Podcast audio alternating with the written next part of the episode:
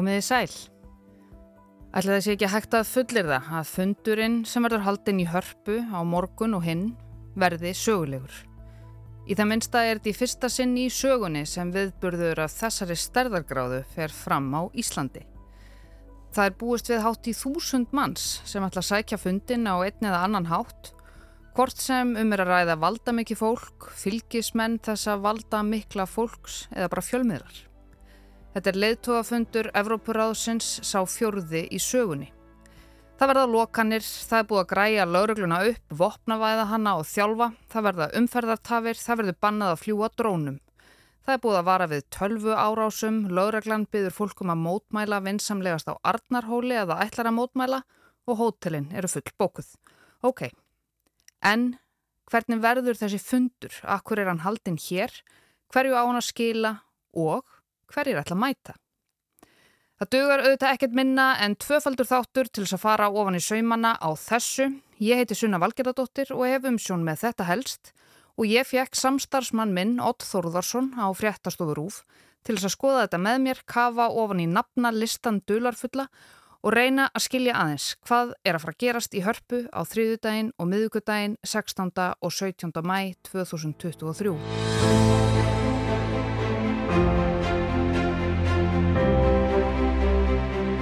Sko ég vil segja að þetta sé bara stærsti viðbúru sem að haldin hefur verið á Íslandi komplett sko. Raumverulega, bara að, umfangi og, og bara hvað þýðingu varðar og annað. Á heimasíðu Evróparáðsins er fundinum líst svona með norðurljósin og jökulsárlón að með sínist í baksín. Fundurinn er sögulegt tækifæri fyrir Evróparáðið til þess að skerpa á markmiðum sínum í ljósi nýra ógna, gagvart líðræði og mannrettindum og til stuðnings Úkræni. Við ottur settum sniður með útprentuð Excel-skjöl í stúdíó nr. 0 og töluðum um leðtóafund Evrópuráðsins 2023 The Council of Europe Summit Reykjavík. Þetta orð er náttúrulega Við grípum átt í þetta orð, leðtóafundur hérna á Íslandi, við þekkjum leðtóafundin í höfða 1986. Það finnst mörgum að það hefði verið með reynum ólíkindum hver glæsilega tókst til hjá Íslandingum við að halda leðtóafund þeirra Reykjans og Gorbátsjófs dagana 11. og 12. oktober með aðeins 12 daga fyrirvara. Eh, mér finnst þetta að vera starra en það. Þetta eru hátt í 50 þjóðarleðtóar sem eru að koma hérna og á umbróta tímum eins og eh, við lifum nú. Þannig að þetta, þetta er, er reysastórt. Mm -hmm og verður sögulegt. Þegar við á fréttastofu sjónvarps fengum þá afmælistjöf á 20 ára afmælistegi sjónvarpsins að þessi fundur er í haldinn, óraði okkur ekki fyrir þeirri holskjaplu sem myndi ríða yfir okkur þegar þúsundir fréttamanna. Þetta er í fjóðarsinn sem að svona fundur er haldinn. Fyrst var hann haldinn 1993 í eh, Vín í Östuríki uh, og síðan 1997 í Strasbourg og síðan 2005 í Varsá og síðan 2023 í Reykjavík. En við verum aðtöða það sko að þetta ráð, Európa ráðið er stopnað 1949 þannig að þetta er bara í fjörða sinn í hvað, 74 ára ef mér reknast ekki rámt til sögu þessa þessa sístem sko. Þú gerir frétt um daginn mm. þar sem þú varst að útskýra Európa ráðið. Einmitt. Erstu til í að lesa upp með fréttaröttinniðinni hvað Evrópuráðið er? Sko Evrópuráðið var stopnað árið 1949 af tíu Evrópuríkjum. Ísland fekk aðild örfá mánuðum síðar. Örfá ríki fengu, ríki fengu aðild áratöguna eftir en algjör holskepla varð áren eftir fall Sovjetríkina. Þráttur að hafa sama fána og sama enkennislag þá eru Evrópuráðið og Evrópusambandið alls ekki það sama. Evrópusambandið, ESB, samanstendur af 27 aldaríkjum sem saman starfur ekki að framkvæmda stjórn sambandsins, Evrópu þingið og ráþæraráð Evrópusambandsins svo fátitt sem nefnt. Evrópuráðið er hins vegar eldra og er að mörguleiti fyrirmynd Evrópusambandsins.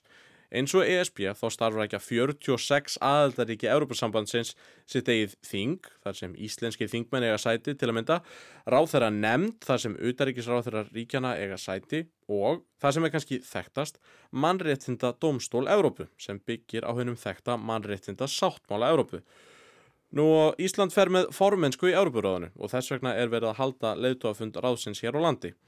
Nær öll ríki Evrópu eiga aðild að Evrópuráðinu.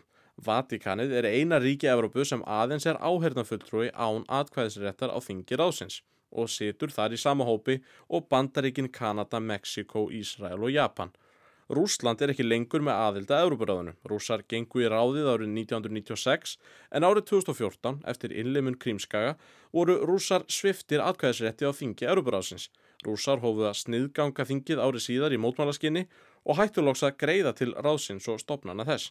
Örfáum dögum eftir innrásina í Úkrænu í februari fyrra var rúsum sparkað endanlega úr ráðinu. Og innrásin verður í brennindepli á fundurum í hörpu, engum og sérilega verður rætt hvernig draga megi rúsa til ábyrðar fyrir það tjón sem þeirra var valdið í Ukrænu. Væntala verður gefin út yfirlýsing í kjölfarfundarins með niðurstöðum en hvaða þýðingu gæti slíkt plakka einlega haft. Einn mitt. Uh, Þórdís Kolbrún Reykjörg Gilodóttur Uttaríkisráð þeirra uh, sagði í vekulókonum að hún væri ekki bara, bara að, að sérst, vonast til þess að, að þessi fundur myndi skila einhverju heldur var hún að búast við því. Ég held að hann verði sögulegur og ég held að til hans verði vísað uh, um langa framtíð.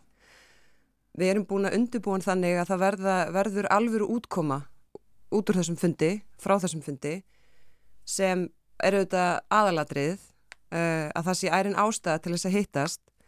Og vonandi er þetta ástand sem við erum í núna ástand þar sem að við svona fyrir en síðar komumst aftur á rétt aðri braut. Um, en ég veit ekki hvort að það er staðan eða hvort þetta verður verða ára en þetta verður betra. Og eiginlega hvor raunveruleikin sem verður þá er það gríðarlega mikilvægt að allir þessir þjóðar leiðtöðar sem er þá bara, þetta er náttúrulega aðsta vald í hverju landi fyrir sig sem er að koma og er að skuldbinda sig til þess að standa vörðum þessi gildi sem að við hér á Íslandi hefum allt undir að séu ofan á og séu leiðin sem verði valinn og farinn og passað upp á. Uh, fundur snýst náttúrulega mjög miklu leiti um Úkrænu. Og þessi tjóna, í rauninni bara tjónaskísla, svo að við tölum bara hérna, eitthvað sem við skiljum, það er bara verið að fara að búa til einhvers konar plagg með öllu því tjónu sem að rúsar hafa valdið í Úkrænu. Það snýst í raunum það að, að útbúa skrá og halda utanum öll alvarleg tjón og alvarleg eh, meðsli eh, fólks í Úkrænu af hendi rúsa. Þannig að þetta er fyrsta lagalega bindandi ákverðunin sem tekin er á þessu allþjóðs við erum alltaf að tala um ábyrðaskylda, það er að draga rúsa til ábyrðar fyrir allt sem þau eru að gera. Og við erum með kerfi fyrir sundaði, það er búið að gefa út handtöku skipan á, á hérna, Pútín uh, og svo framvegs en, en margt af því tekur langan tíma og er mikil vinna. Og svo sumstar eru við í rauninu með svona gati kerfinu þar sem við erum að leita leið og þess vegna eru Ukrænum en alltaf kalla eftir svona special tribunal til þess að taka á því en þetta snýst um að, að þetta sé skráð og í framhaldina þessi útbúið ferli til þess að fólk fá einfallega greitar bætur. Saði Þórtís Kolbrún utanrikisráð þeirra í vikulokkonum núna á lögadaginn. En hvaða þjóðarleðtogar eru þetta sem eru að koma? Þegar við ottur byrjuðum að tala okkur saman í síðustu viku, þegar um það byrj vika var í fundin, var þessi nafnalisti bara alls ekki ofinbyr. Mér var bent á að ringja bara í hinn og þessi sendiráð til þess að reyna að fá okkar staðfest, það gekk svona upp og ofan, en svo fekk ég á endanum nokkur nöfn, svona fyrir utan þá tvo sem hafðu ofinberlega staðfest komu sína, þar að segja leðtogar Þískalands og Fraklands, en meira um þá á eftir. En svo í gær, sunnudag, var listin byrtur. Nöfn 45 aðstu strumpa Evrópuríkjana misþekkt nöfn vissulega í hugulegri starfsöð eftir löndum Reyndarstendur óvíst við eitt landið, landið sem þetta allt saman snýstjú um og það er ekki Ísland, heldur auðvita Úkræna. Макроном, Шольцем и так далее, как их принимают. Я ж сосед. Меня не надо на 30 метров держать. En við ottur fórum aðeins yfir þetta, hverjir þetta eru sem eru að koma. Við erum með staðfest að Jónas Gar Störi, fórstsáru Noregs, hann er að koma. I morges våknet ukrainere til luftangrep og flyalarmer som har vedvart utover formiddagen. Barn og sivile søker nå til bomberom, og folk hamstrer mat, bensin eller legger på flukt. Þetta eru á langmestu leiti ímist forsetar eða forsetisráþarar sem ætla að koma. Ætla að fara ekki annars vegar bara eftir stjórnkerfinu, hvor það er sem fer þá með aðsta framkvæmda vald og svo auðvitað bara hverjir komast eða vilja koma. Og ef þið helduð að þið væri laus við upptalningu á Evrópulöndum nú þegar Eurovision er búið í byli þá skjáttlaðist ykkur.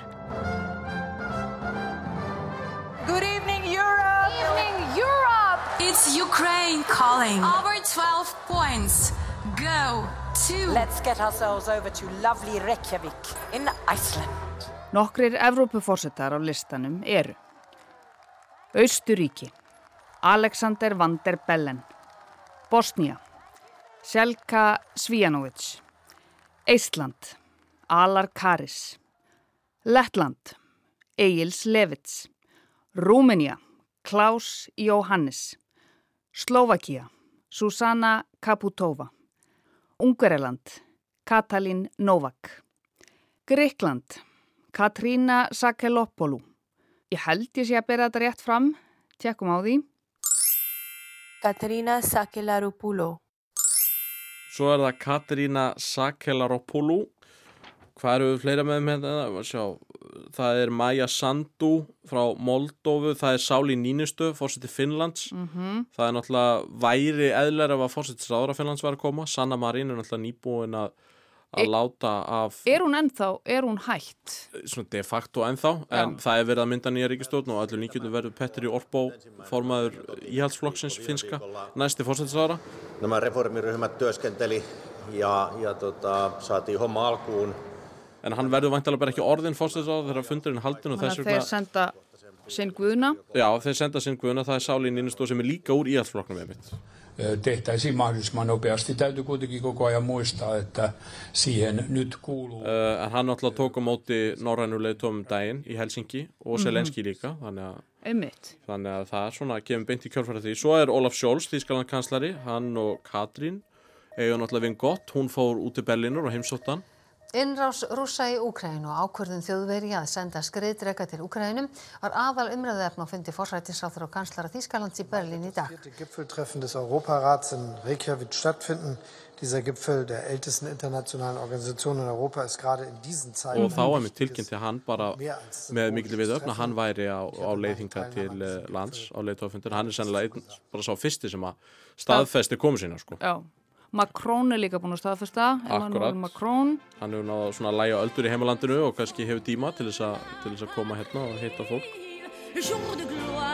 Makrón laði stund á stjórnmálafræðu og heimsbyggi, sérstaklega Hegel og Machiavelli Hann fór vitanlega í École Nationale d'Administration útungunarvél elitunar í Fraklandi. 16 ára gammal hóf hann samband við leiklistakennaran sinn Bridget Tonjö sem var og er 24 árum eldri.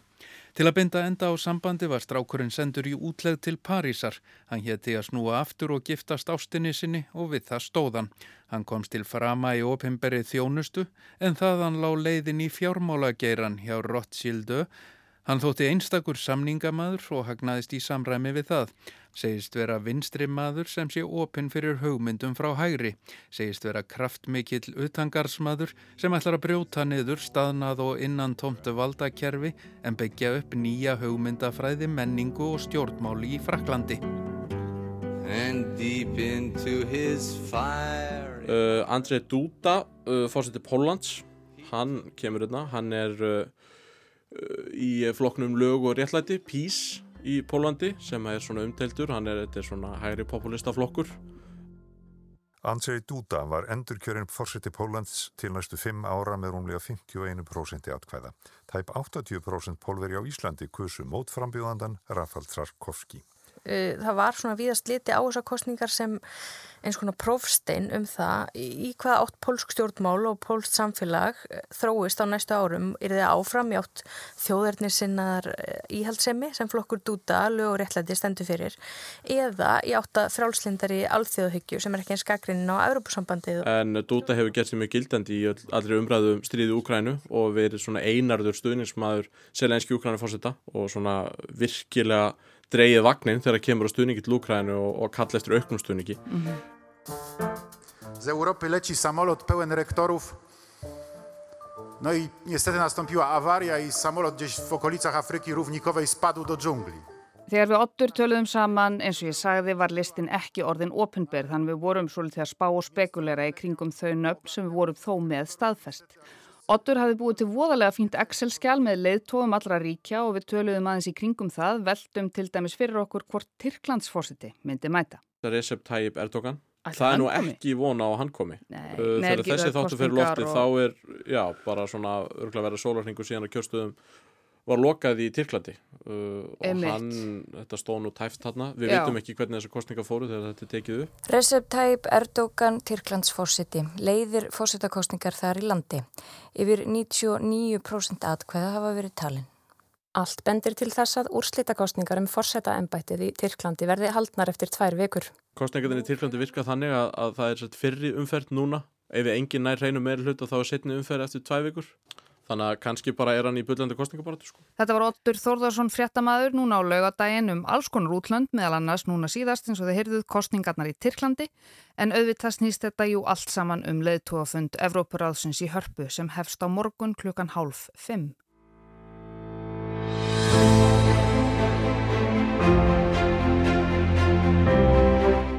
Við höldum áfram að fjalla um fundin og þau sem á hann ætla að mæta. Í síðar hluta þetta helst um fólki sem ætlar að reyna að laga ástandið í Evrópu og gera það frá Íslandi. Ég heiti Sunna Valgerðardóttir og þakka ykkur fyrir að leggja við hlustir í dag. Við heyrumst svo aftur á morgun í síðar hluta þetta helst um leiðtógafundin í Reykjavík 2023.